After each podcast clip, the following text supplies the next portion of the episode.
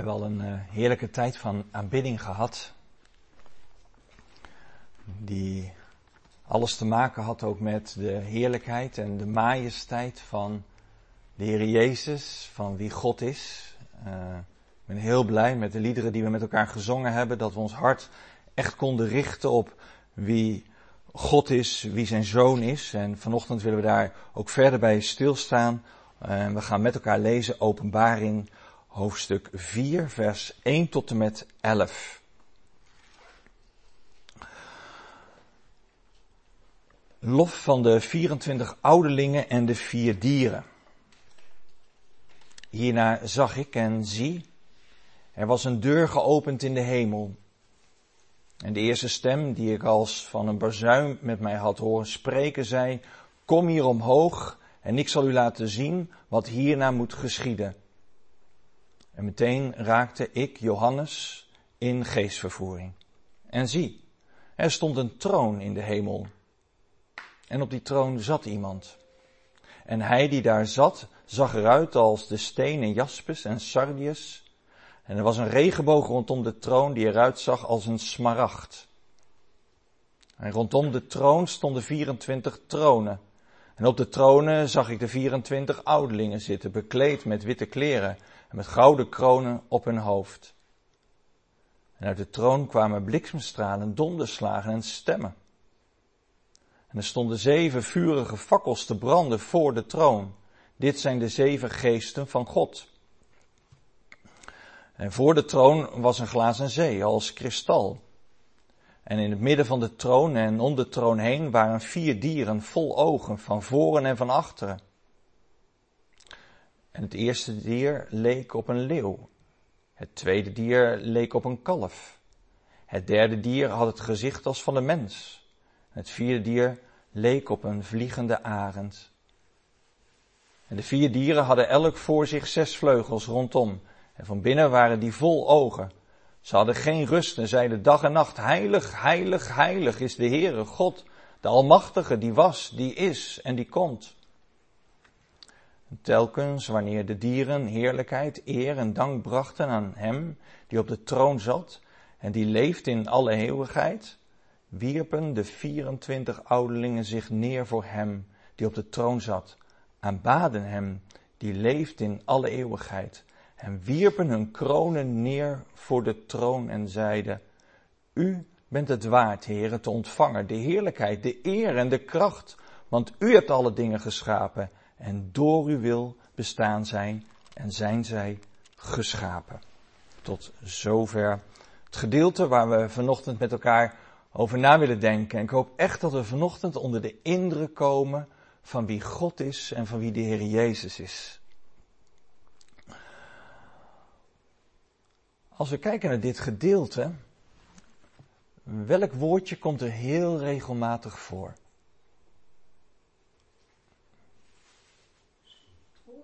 Troon. Ja, troon. Troon. Veertien keer. Troon of tronen. Veertien keer in dit gedeelte en in openbaring 42 keer. Een troon, iets wat zegt over majesteit, macht.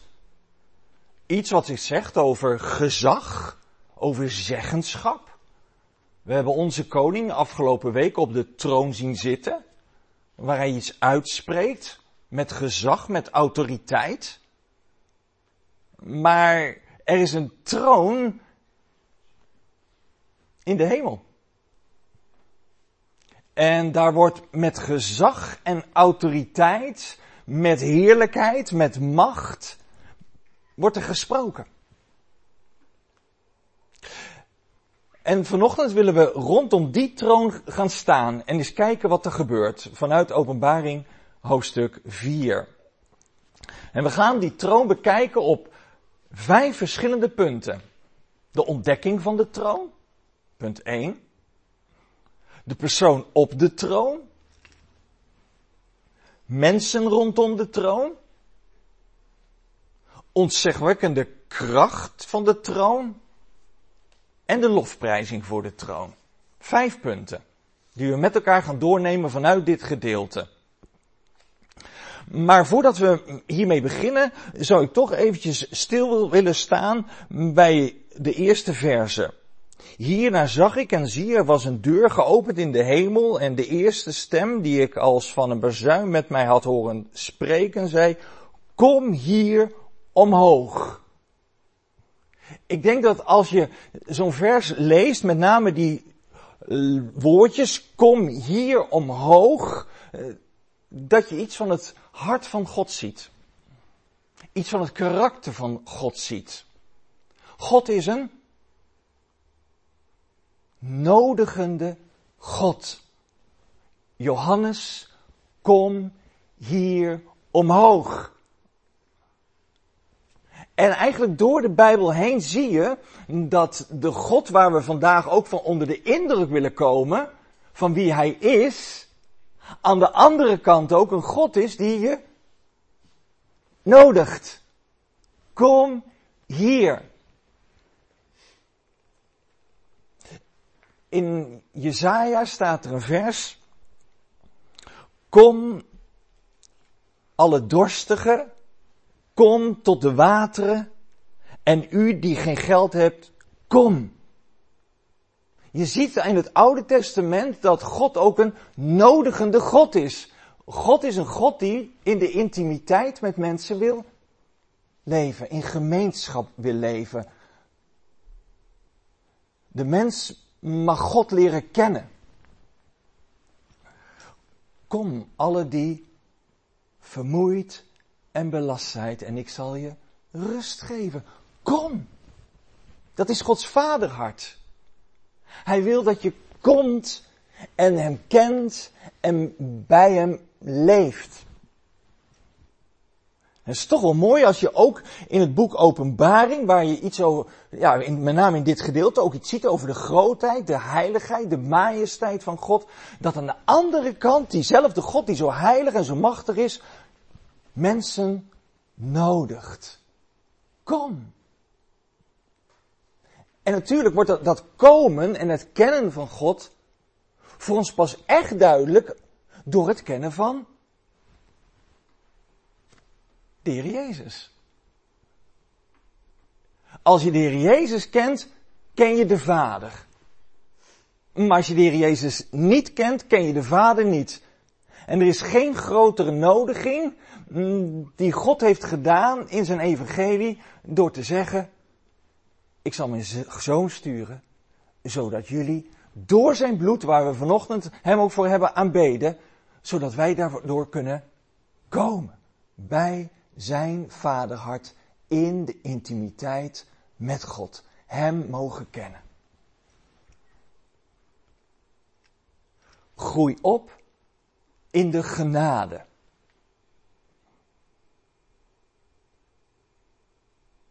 En het is goed om jezelf keer op keer dat evangelie te prediken aan je hart, dat eenvoudige evangelie. Maar aan de andere kant ook dat diepe evangelie. Dat die heilige God, waar wij nooit toe konden naderen, waar we nooit bij kunnen komen, dat hij naar jou is toegekomen in zijn zoon. Dat, dat is leven uit genade. Dat is leven uit genade. Dat moet je leren. Groei op in de genade. Je moet leren wat het is om uit genade te leven. Waarom moet je dat leren? Wat zijn wij mensen van nature? Mensen die graag dingen willen, ja, verdienen, willen doen. Dat is de grote worsteling van Luther geweest. Hoe kan ik nu naderen tot een heilige God? En hij heeft de meest rare, bizarre dingen gedaan. Omdat hij dacht, dan nader ik die God, die heilige God. Totdat hij ging zien, het gaat niet om mijn werken. Maar God heeft alles in zijn werk al volbracht in zijn zoon. En dat is genade. Dus je hoeft niets te doen om deze God te naderen, om die troon te naderen. Hij heeft het gedaan. Rust in de genade. Geen goedkope genade. Van nou, God heeft het voor mij gedaan en ik leef er maar een beetje op los. Dat is goedkope genade. Nee, het, is, het heeft hem alles gekost. En door het kennen van de Heer Jezus ben je van een oud leven naar een nieuw leven gegaan. Dat betekent, je bent vernieuwd in je denken, in je, wie je bent. Daar wil je uit gaan leven. Dat is niet goedkoop, dat is duur. Er is een dure prijs voor betaald, zodat jij nu tot eer van God kan leren leven. Maar het is leren om uit genade te leven. Omdat wij mensen van nature mensen zijn die graag dingen willen doen voor God. En God zegt, je hoeft niets te doen. Want ik heb alles al gedaan. Dat is, dat, is een, dat is rust hoor, in de genade. Dat is een heerlijke wetenschap. Dat is als het ware het kennen van de genade is steeds meer gaan zien hoe rijk het offer van de Heer Jezus Christus is. Zijn dood, zijn opstanding, zijn verheerlijking. Verwonderen we ons daar nog eens een beetje over, door de weeks? Dat echt stil worden, ons hart vol blijdschap is. Ik heb het allemaal ontvangen. Ik ga het een beetje, beetje even nou ja, kort door de bocht zeggen.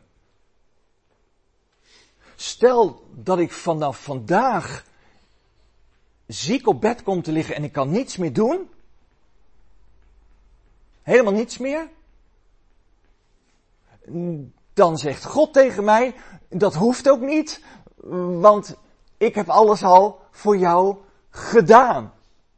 En je bent een kind van mij. En je mag je altijd in mij verheugen. Ook als je totaal niets meer voor mij kan doen.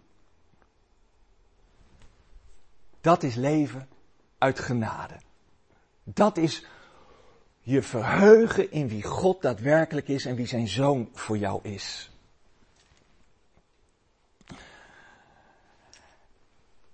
We gaan door met de troon. Want hoe kwamen we hierop? vanuit vers 1. Omdat ik zei, kom hier omhoog. Ja, kom hier omhoog, omdat God eerst naar jou is toegekomen in zijn zoon, in de genade, kunnen wij hem nu naderen en kunnen we ons verwonderen over wie God is en wie de Heer Jezus is en wat daar voor die troon gebeurt. En daar gaan we nu naartoe, de ontdekking van de troon, vers 2. En meteen raakte ik in geestvervoering en zie, er stond een troon in de hemel. Een troon in de hemel. Waar zou dat nou zijn, hè? Nou, de, de ruimtevaarders en, en, de mensen die daar heel erg mee bezig zijn, die, die hebben dat wel eens gedacht. Die hebben daar uit, uit, dat uh, raketje gekeken.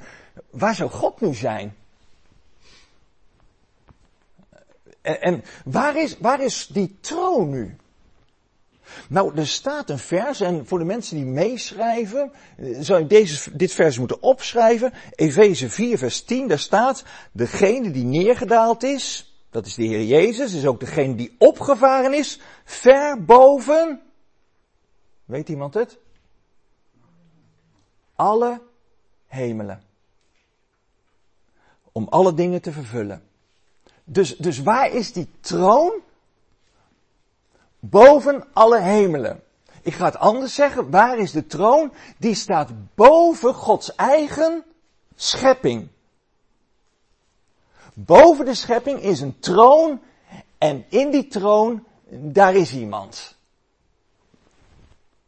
Wat een geweldige geruststelling.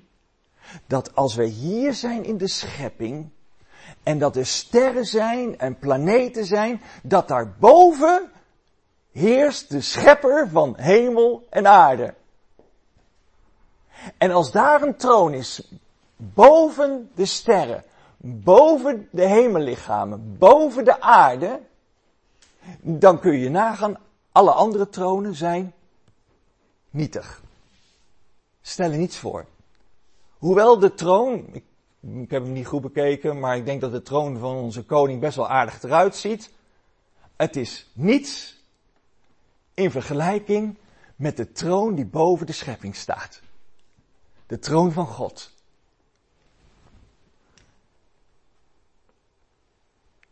En wat een geruststelling. Dus, dus dat is een geruststelling op wereldniveau. Dat er een God is die troont boven alles. En alles in zijn hand houdt. Alles in zijn hand houdt? Ja, alles in zijn hand houdt. Loopt het hem echt niet uit de hand? Nee, het loopt hem echt niet uit de hand. Waarom? Omdat hij troont boven de hemelen. En het is zijn schepping en hij komt tot zijn doel met zijn schepping. Loopt de coronavirus God dan niet uit de hand? Nee. Lopen de natuurrampen hem niet uit de hand? Nee. Maar mijn persoonlijk leven dan? Loopt het uit de hand? Ik ben zo angstig om dat wat er gebeurt om me heen. Nee, want God, die jij mag kennen in zijn zoon, zit op de troon. En hij heerst over jouw leven.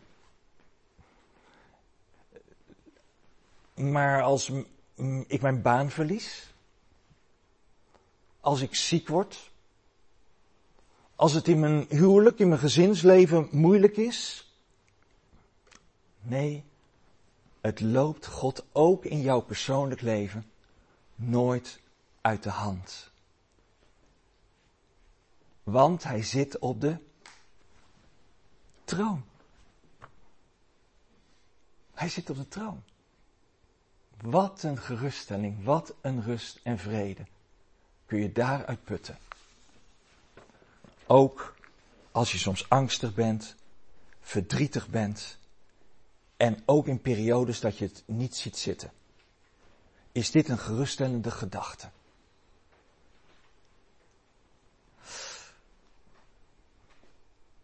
Ontdekking van de troon. Daar kun je al heel veel vreugde uithalen. Maar we gaan verder, want het gaat niet, eigenlijk niet om de troon zelf, maar het gaat om de persoon op de troon. Nou, we hebben de ontdekking van de troon gehad. Persoon op de troon, vers 2 en 3. En op de troon zat iemand. En hij die daar zat, zag eruit als de stenen jaspis en sardius. En er was een regenboog rondom de troon die eruit zag als een smaragd. Wat doet Johannes hier nu? Hij ziet een troon en ziet iemand op de troon. En dan gaat hij die persoon omschrijven. Maar dat is een bijzondere omschrijving. Want hij, hij kan er geen woorden voor vinden. Hij kijkt naar die troon, hij ziet een persoon op de troon eh, en die schittert, die is heerlijk, die is majestueus, die is vol glans. En op dat moment kan hij er geen menselijke woorden aan geven dan, dan een vergelijking te maken met steensoorten. Jaspis, diamant. Nou, de persoon is als blinkend wit, zegt hij eigenlijk. En is als sardius, is diep rood. En is als smaragd, is, is als groen. Dat, dat is de omschrijving die hij dan gaat geven. En dan zegt hij ook nog eens een keer, er is een, een groene regenboog om die troon. Nou, waar denken we dan direct aan?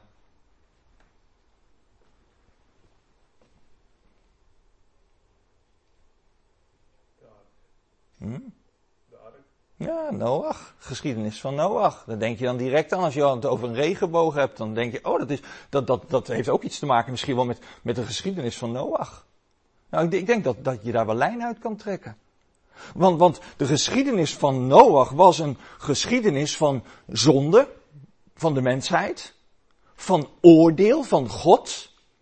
Maar na het oordeel was er ook nieuw begin, hoop genade.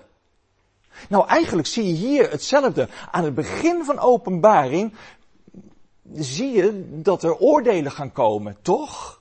Jullie zijn specialisten in openbaring sinds vorig jaar. Daar heb je een hele prekenserie over gehad, dus jullie allemaal specialisten. Maar op een gegeven moment zie je vanaf hoofdstuk 6 oordeel naar oordeel komen. Maar blijft het bij het oordeel? Nee. Er is hoop. Er is genade. Er is een, regenboog. Waarom? Omdat door de oordelen heen uiteindelijk wie zal terugkomen? De Heer Jezus. Dus heerlijk om rondom de troon hier al een regenboog weer te zien. Dat niet de oordelen Gods laatste woorden zijn. Maar dat door de oordelen heen er hoop is en genade. Jezus Christus, mijn zoon, die hoog verheven zit in de troon, zal uiteindelijk regeren hier op aarde. Prijs de Heer, zou ik zeggen. Wat een hoop en genade. Wat een rustgevende gedachte in deze tijd eh, dat, dat er hoop is. Toekomstverwachting. Nou, en dan staat er, eh, en op de troon zat iemand, en hij die daar zat, zag eruit als een stenen jaspis en sardius, en er was een regenboog rondom de troon, die eruit zag als een smaragd. Maar wie is die iemand nu? Wie is die iemand? Ik zou, ik zou toch er nog wel, wel wat meer van willen weten van die iemand. Nou, daar hebben we eigenlijk wel andere teksten bij nodig. Om, om dat iets duidelijker te maken. Als je Bijbel bij je hebt, moet je even terugslaan in Openbaring 3, vers 21. Openbaring 3, vers 21. Uh, daar staat, wie over, daar zegt de Heer Jezus, wie overwint, zal ik geven, de Heer Jezus, met mij te zitten op mijn troon, zoals ook ik overwonnen heb en mij met mijn vader op zijn troon gezet hebt. Wie zit er nu op die troon? Nou, daar zit de Heer Jezus en de Vader. Oh. Dus, dus kijkend naar de troon, zag, zag Johannes daar iets van de heerlijkheid, de grootheid en macht van Vader en Zoon.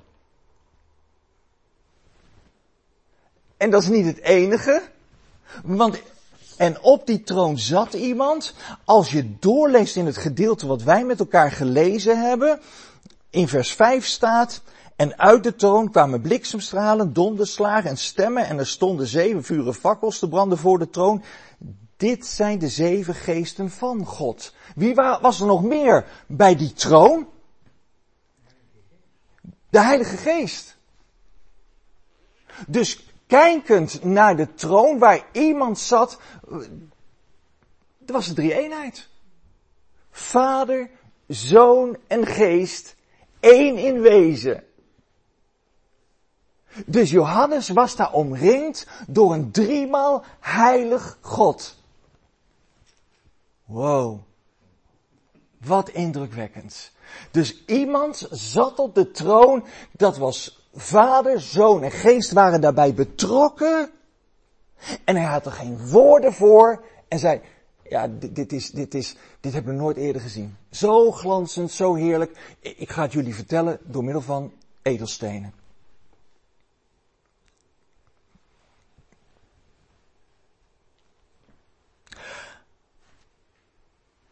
Het opmerkelijke is, we hebben nu gezien, er is een troon. Een driemaal heilig God is betrokken op die troon. En er zijn mensen rondom die troon. Mensen? Jawel, dat, dat lezen we. En rondom de troon stonden 24 tronen. En op die tronen zag ik de 24 ouderlingen zitten. Bekleed met witte kleren en met gouden kronen op hun hoofd. Nou, welke vraag ga je nu gelijk stellen? Wie zijn dat? Wie, wie zijn nou die mensen rondom die troon? Nou, het waren oudsten. 24 ouderlingen. En, en die 24 ouderlingen vertegenwoordigen een bepaalde groep. Nou, wie vertegenwoordigen de ouderlingen in het Nieuwe Testament? De gemeente. Dus als hier staat, en op de tronen zag ik de 24 ouderlingen, dan, dan zijn de ouderlingen de vertegenwoordigers van de gemeente van de Heer Jezus Christus. Wij komen dus, ik ga bij, wij komen dus als wedergeboren christenen, als gemeente, een keer voor die troon te staan. Dat is indrukwekkend. We zullen dus die driemaal heilige God eens aanschouwen, eens zien. Van heerlijkheid tot heerlijkheid worden we daartoe gevormd om uiteindelijk bij de Heer Jezus te zijn.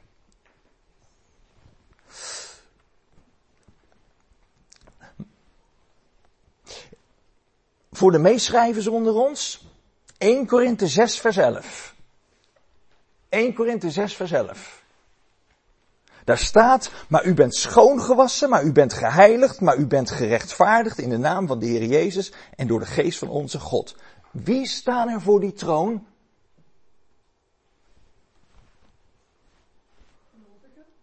Mensen die schoongewassen zijn door het bloed van de Heer Jezus, die erkennen, ik ben gereinigd. Dat verzoenend werk van God in de Zoon, waar we het over gehad hebben, kom. En die hebben gezegd, Heer, ik kan het zelf niet, ik ben een zondaar, maar dank u wel dat uw genade zo groot geweest is dat u het offer in uw zoon gebracht heeft. Hier ben ik, met heel mijn pakkie, maar ik leg bij het kruis neer. Dat zijn de mensen die uiteindelijk daar staan. Gerechtvaardigd in Christus. Eh, eh, maar er staat nog, dus, dus daardoor gewassen door het bloed van de Heer Jezus betekent witte kleding. Witte kleding. Je bent schoongewassen. Gereinigd. Maar er staat ook, je hebt een kroon.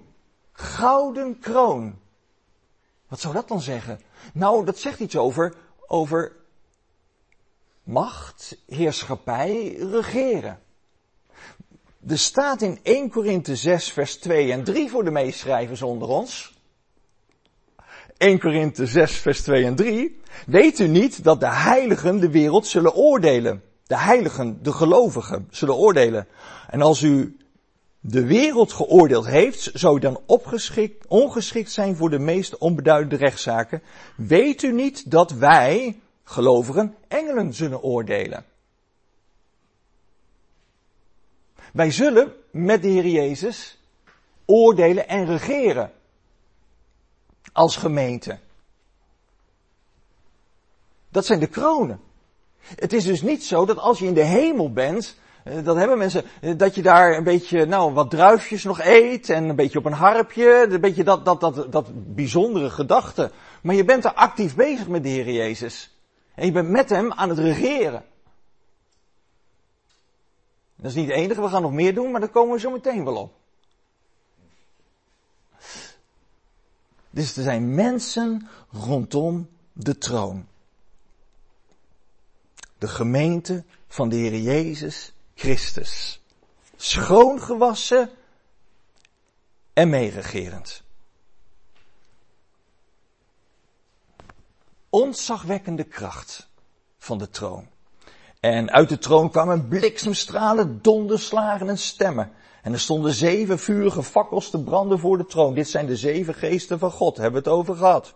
En voor de troon was een glazen zee als kristal. En in het midden van de troon en om de troon heen waren vier dieren vol ogen van voren en van achteren. En het eerste dier leek op een leeuw, het tweede dier leek op een kalf, het derde dier had het gezicht als van een mens. En het vierde dier leek op een vliegende arend. En de vier dieren hadden elk voor zich zes vleugels rondom. En van binnen waren die vol ogen. Ze hadden geen rust en zeiden dag en nacht, heilig, heilig, heilig is de Heere God de Almachtige, die was, die is en die komt. Als we dit lezen, hè, vers 6 en uh, vers 5, sorry. En uit de troon kwamen bliksemstralen, donderslagen en stemmen. Ken je een geschiedenis in het Oude Testament waar dit bijna precies zo staat?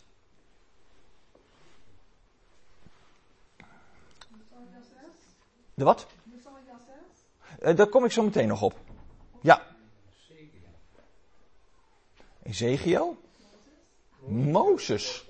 Ja, ja. Op de berg Sinaï. daar zie je eigenlijk bijna precies dezelfde woorden eraan worden gegeven. Um, en en dat, dat geeft iets indrukwekkends, iets heiligs, iets groots aan.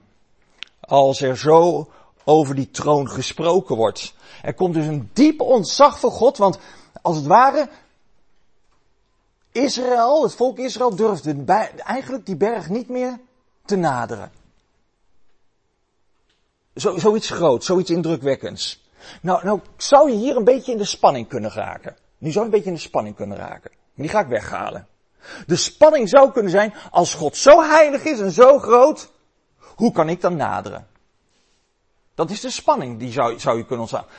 Maar, je hoeft niet op te zoeken van mij. Let op de volgende vers in Malachi. In Malachi 1 vers 6 staat, een zoon eert zijn vader en een slaaf zijn heer.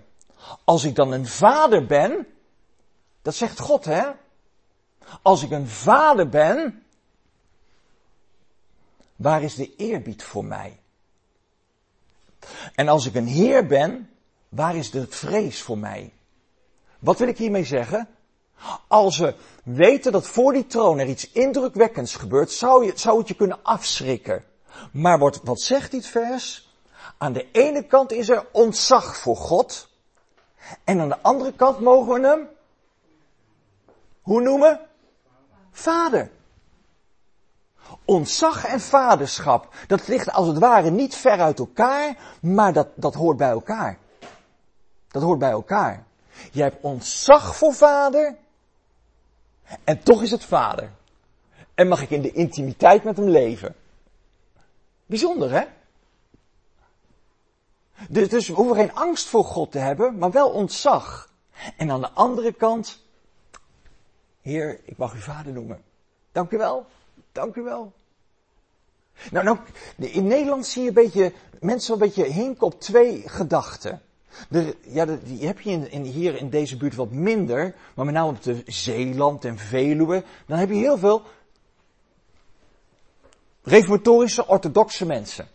Die worden heel erg opgegroeid met het feit van God is streng. God is, nou ja, bliksemstralen en, en, en donderslagen, dat. En veel van de mensen zijn ook bang voor God. Nou, dat is de ene kant.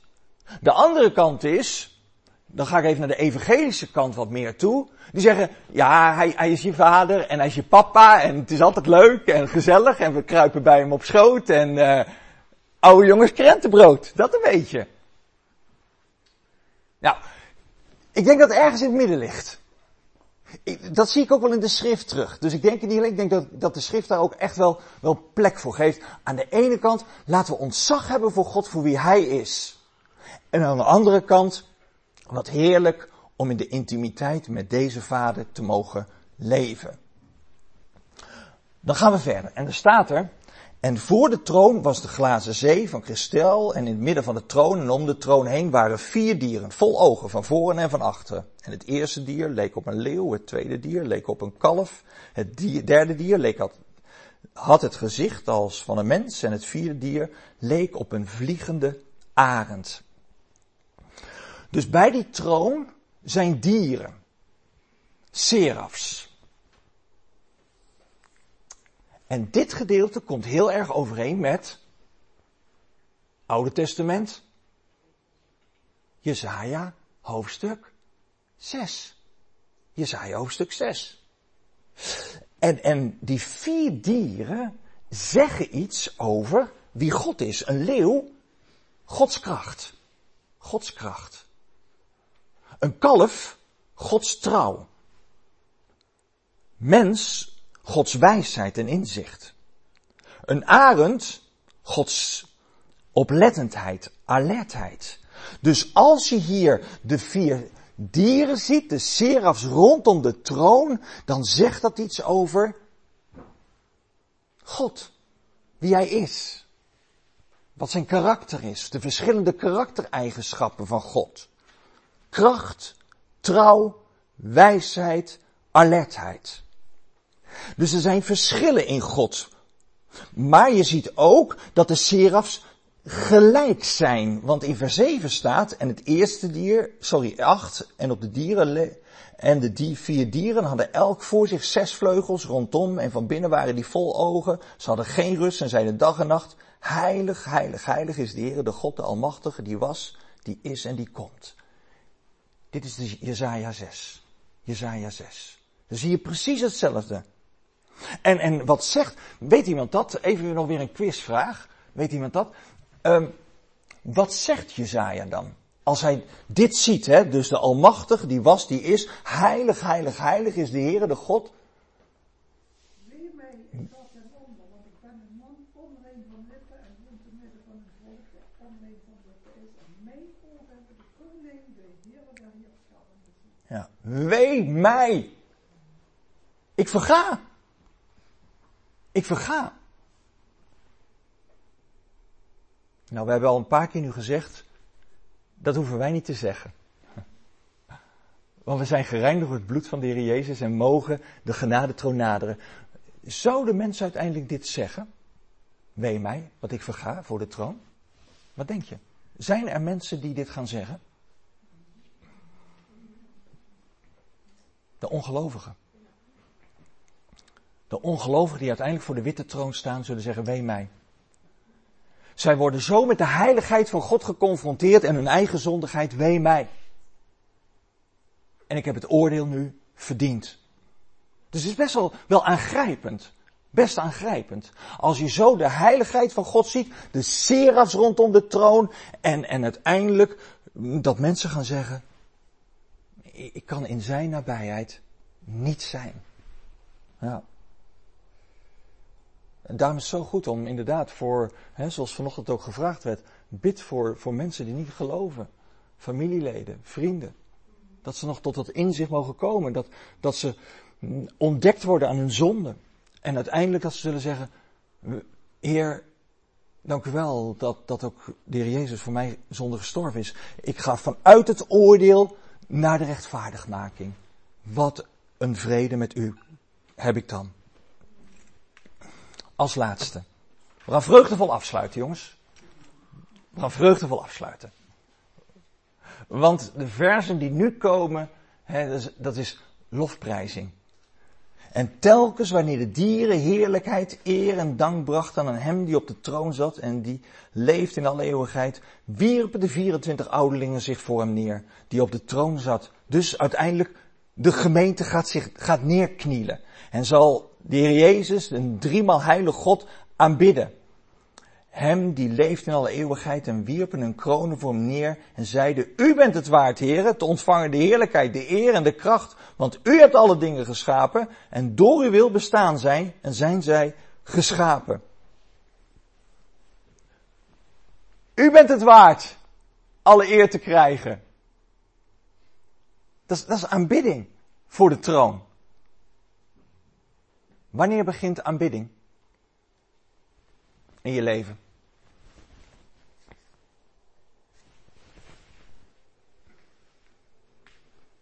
Begint dat pas bij de troon? Nee. Daar, je zou kunnen zeggen, aanbidding bij de troon, dat is de volmaakte aanbidding waar we uiteindelijk uitkomen als gemeente. Dat is volmaakt.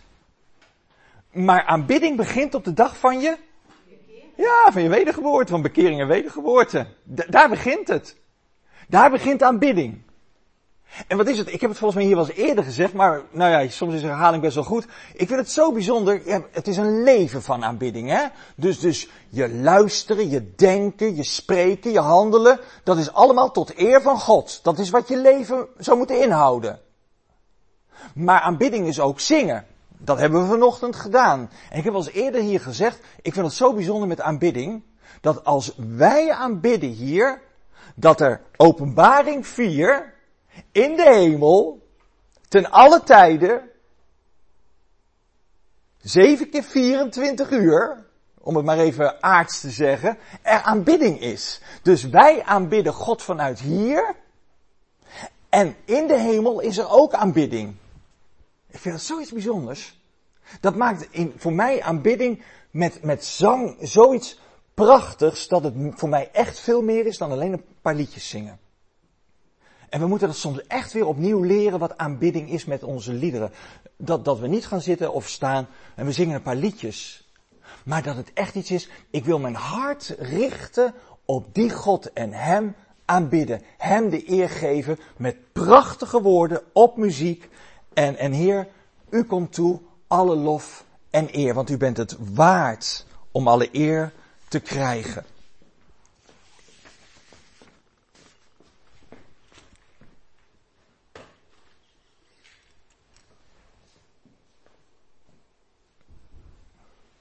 En waarom zullen we God nu aanbidden? Nou, u bent het waard, heren, te ontvangen de heerlijkheid, de eer en de kracht. Want u hebt alle dingen geschapen. U heeft ze gemaakt en door uw wil bestaan zij. U houdt het ook allemaal in stand. En daarom past het ons om u de eer te geven. Met onze liederen en met ons leven. Ik hoop dat je vanochtend onder de indruk bent gekomen van wie God is. Onder de indruk bent gekomen dat Hij zit op de troon. Vader, Zoon en Geest. Ja, er is een moment dat wij er ook zullen zijn. Maar tot die tijd ben je geroepen om te leven tot eer van Hem.